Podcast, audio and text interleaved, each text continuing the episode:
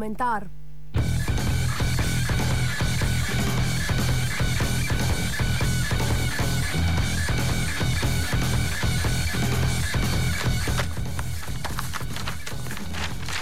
Oh, sejemsko mešetarjenje in ne poprava krivic.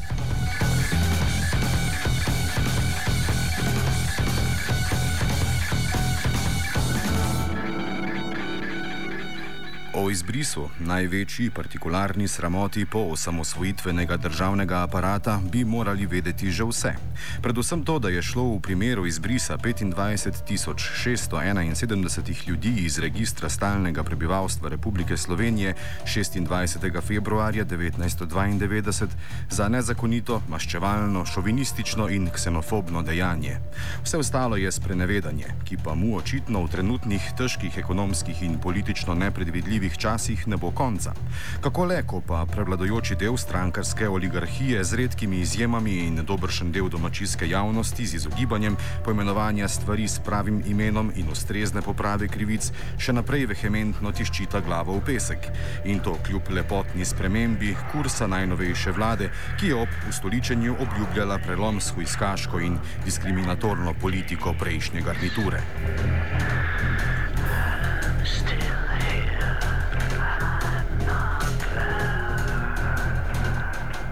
Včerajšnja predstavitev osnutka zakona o povračilu škode izbrisanim na sestanku med notranjim ministrom Gregorjem Virantom in predstavniki izbrisanih je dokaz, da politična nomenklatura kljub jasni lanski sodbi Evropskega sodišča za človekove pravice namerava še naprej voditi igro sprenevedanja in izigravanja.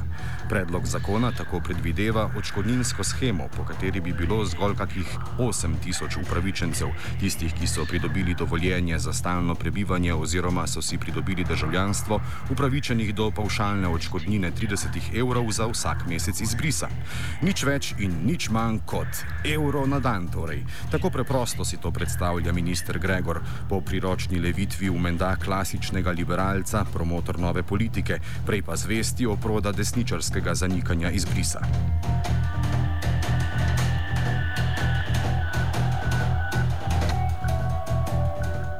Vrak tiči v podrobnostih, zato je politikove besede v iskanju njegove prikrite agende treba še toliko bolj natančno vzeti v precep.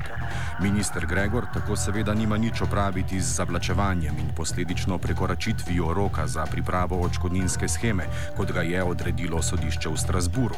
Janševa vlada pri pripravi scheme ni naredila praktično ničesar. Mrtvo hladno izusti Gregor in ob brisanju spomina na sodelovanje v ta isti vladi doda, da se bo sam projekta lotil prioritetno.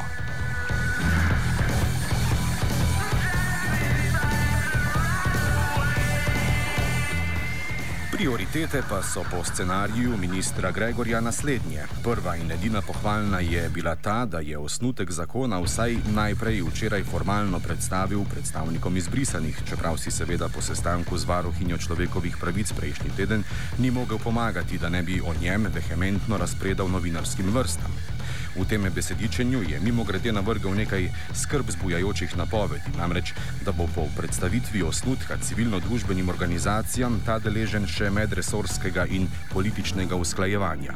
Političnega, kako pak, kakor v vsaki parlamentarni demokraciji, le da se bodo tako v domačijskem okviru seveda uresničile bojazni, ubesedene na februarski javni tribuni v okviru tedna izbrisanih o iskanju naklonjenosti voljivcev skozi vzbujanje in manipuliranje njihove jeze do imaginarnega notranjega sovražnika.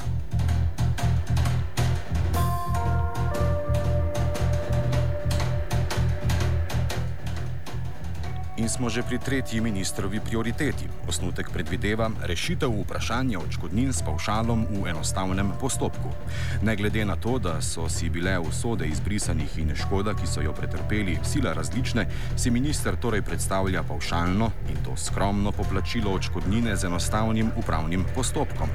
Tragi komično ministru lahko priznamo vsaj doslednost z izvornim aktom izbrisa, ki tudi ni bil nič drugega kot enostaven upravni postopek. Čez noč je 25 tisoč prebivalcev Slovenije ostalo brez vsakih pravic, ki izhajajo iz naslova statusa stalnega prebivalca. Tako preprosto je to šlo. Just in time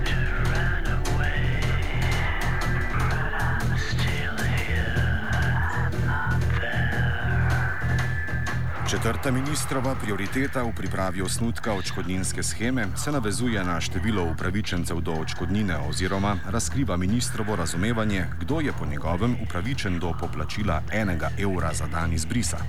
Njegova predvidena okvirna številka 8000 upravičencev tako izhaja iz pogoja, da si je oseba uredila status, kar pomeni, da je vložila nek napor v urejanje statusa. Minister pozablja, da žrtvam šovinističnega akta ni bilo treba uložiti nobenega napora, da so bili deležni izbrisa, niti kakšnega posebnega uložka naporov, terjalo dejanje od oblastne garniture, saj je vse potekalo s kar najbolj čudovitim primerom hladne birokratske izvršljivosti.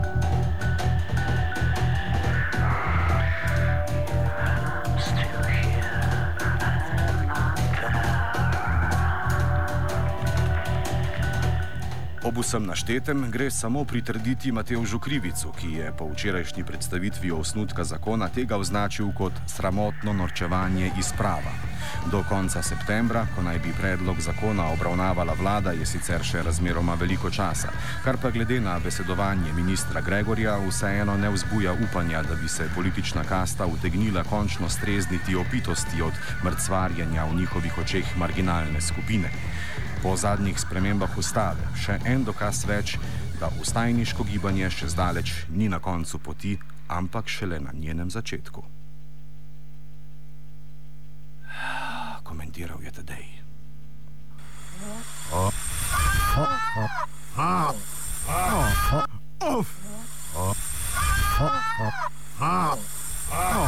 Off komentar.